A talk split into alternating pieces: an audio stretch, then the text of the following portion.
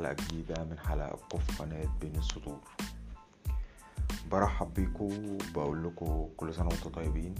إحنا على مشارف نهاية شهر سبتمبر سنة 2021 بس أنا قبل ما أنهي شهر سبتمبر حابب أتكلم عن حاجة حصلت من عشرين سنة والأحداث دي غيرت مسار العالم كله.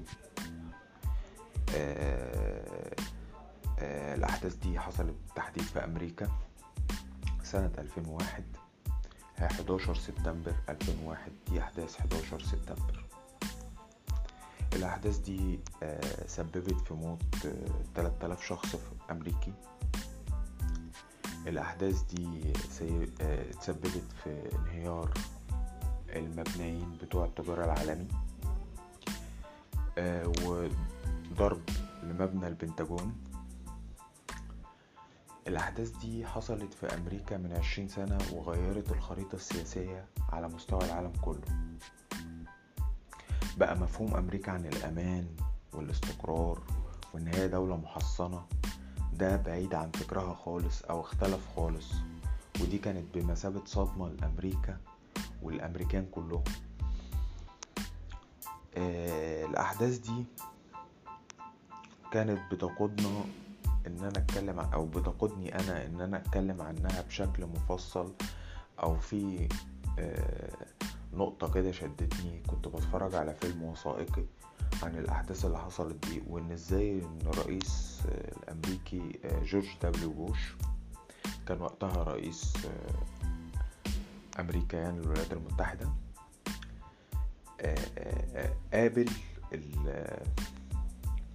الأحداث دي إزاي؟ هو كان الصبح رايح لمدرسة أطفال. وهو في طريقه بيستلم هو بيقول يعني إن هو بيستلم تقرير المخابرات كل يوم الصبح. طبعا استلموا تقرير وهو رايح المدرسة وهو في طريقه المدرسة.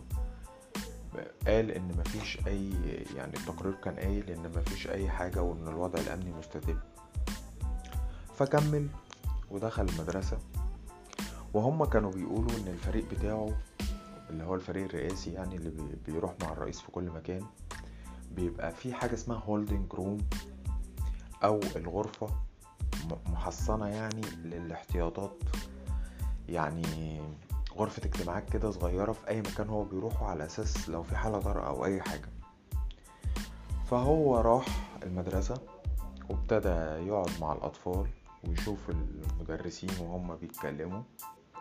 فحد من من النواب بتوعه في المجلس الرئاسي راح له قال له إن في طيارة خبطت مبنى البنتاجون آه مبنى sorry آه مبنى من المبنيين بتوع التجارة العالمي ال World Trade Center. ف الرئيس خد الموقف وكمل مع الأطفال عادي. هو في دماغه كان بيقول إن ده ممكن يكون طيار متهور سلك طريق غلط وبالتالي يعني حدث حادثة هو قال إن, إن أول لما الخبر جاله في أول مبنى اعتبره حادثة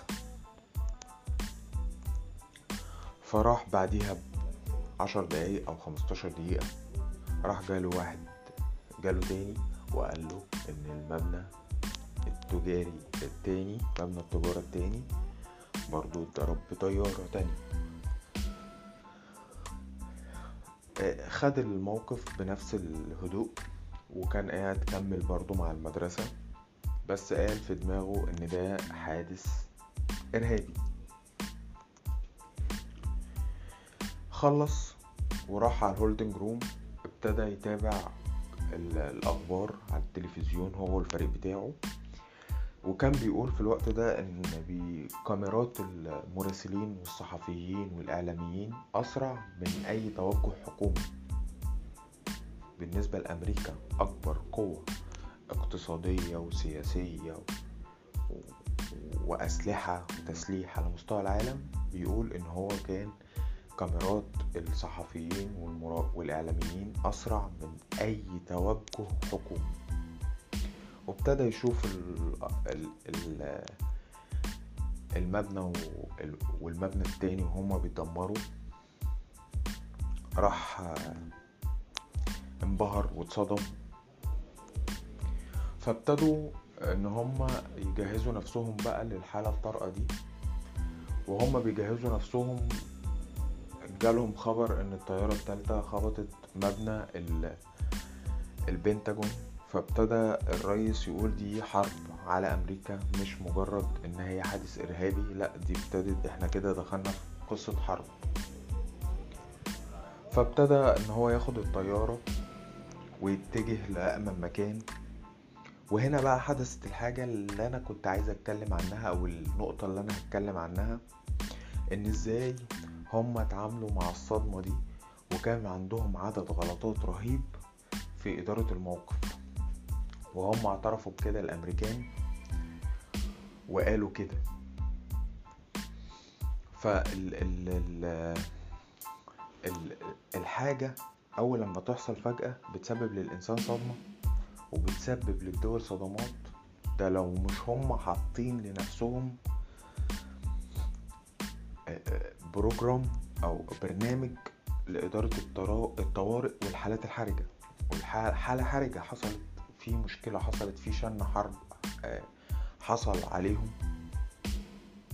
المهم ابتدى يطلع الطيارة الرئاسية بتاعته هو والفريق الرئاسي اللي معاه وطبعا أعضاء الحكومة وابتدوا يتجهوا لأمن مكان هو آه، جورج دبليو بوش كان ساعتها بيقول إن هو كان عايز يروح واشنطن.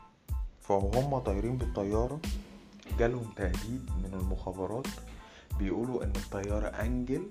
ده كان اسم الطيارة الرئاسية وده كان اسم كودي مش عارفه غير المخابرات والجهاز الرئاسي بس. قالوا إن بعد ما حصلت الأحداث دي إن الطيارة المستهدفة طيارة الرئاسة. فابتدى الرئيس آه، واللي معاه من حرس وجهاز معاون يعملوا عزل لباقي الطيارة عن أول الطيارة على أساس ان كيس حصل إن هيبقى فيه اعتداء من جوه الطيارة على الرئيس أو على الطيارة الرئاسية فممكن تحصل أي حاجة. وكانوا مذعورين جدا جدا جدا جدا. وطبعا عشان تحصل حاجة زي كده ما بين أمريكا وروسيا في اتفاقية إن لو أمريكا ابتدت آه، تحرك الجيش أو تع- تعمل حركة الاستعداد القصوى للجيش آه، روسيا على طول هتعرف إن أمريكا ابتدت تحرك آه، أسطولها أو جيشها أو أو أو أو أو هتروح عاملة تعبئة للجيش وهتقوم حرب. فساعتها كانت وزيرة الدفاع كونداليزا رايس كلمت الر- الرئيس فلاديمير بوت- بوتين وبتقول إن هو تفهم جدا الوضع اللي حاصل وقال لهم مفيش مشكلة. كل ده عشان واحد من المخابرات قال لهم الطيارة أنجل هتتعرض لل- للضرب أو في محاولة اعتداء عليها وإن الرئيس في خطر. واكتشفوا في الآخر إن هو ال- ال- المخابراتي أو جهاز المخابرات وهو بيقول لهم هو طبعا هيقول لهم مش طيارة الرئاسة هيقول لهم الطيارة باسمها الكودي مش أكتر. هما هما اتخضوا عشان عرفوا إن الاسم الكودي ده وصل للمعاونين وصل للإرهابيين وهيبتدوا يفجروا الطيارة.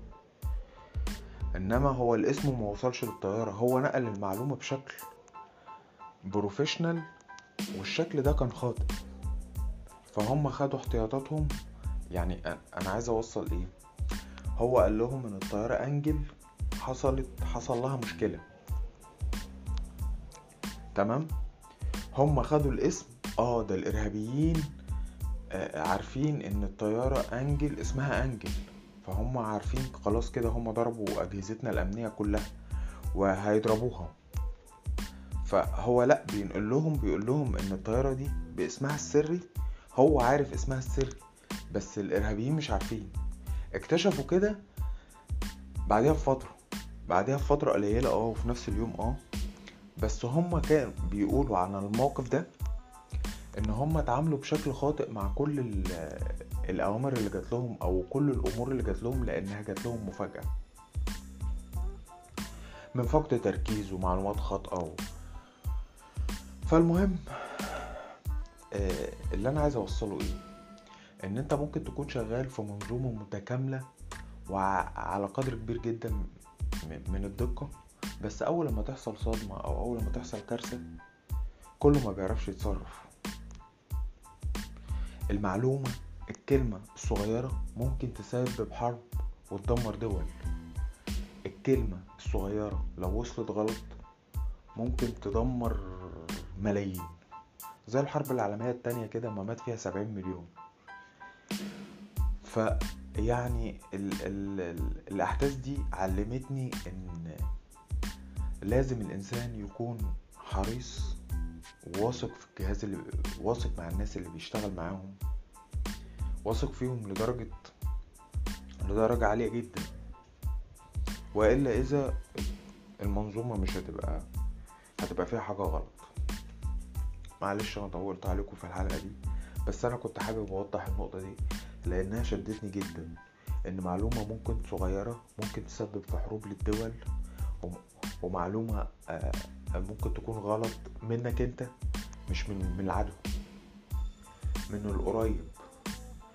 وممكن تكون برضو من من القريب ده بس بدون قصد. ففي حاجات كتير قوي ممكن تحصل والظروف ممكن تغير حاجات كتيرة جدا. فأرجو إن الناس تاخد بالها من طريقة الكلام التعامل مع بعضينا الأفكار أول ما تطرحها. كل ده بيأثر علينا وبيأثر فينا. فلازم ناخد احتياطاتنا لكل حاجة وكل كلمة بنقولها وكل رد فعل بنشوفه. لأن الكلام اللي بيطلع ينفعش نرجع فيه تاني. وشكرا ويا رب الحلقة تكون فادتكم وأتمنى ان أنا ما أكونش طولت عليكم. وأتمنى إن أنتوا تدعموا قناة بين السطور لأن أنا عايز حد يسمعني ويشوفني أو يسمعني بس. ويقول لي إيه رأيه في الحلقة. وشكرا ليكم.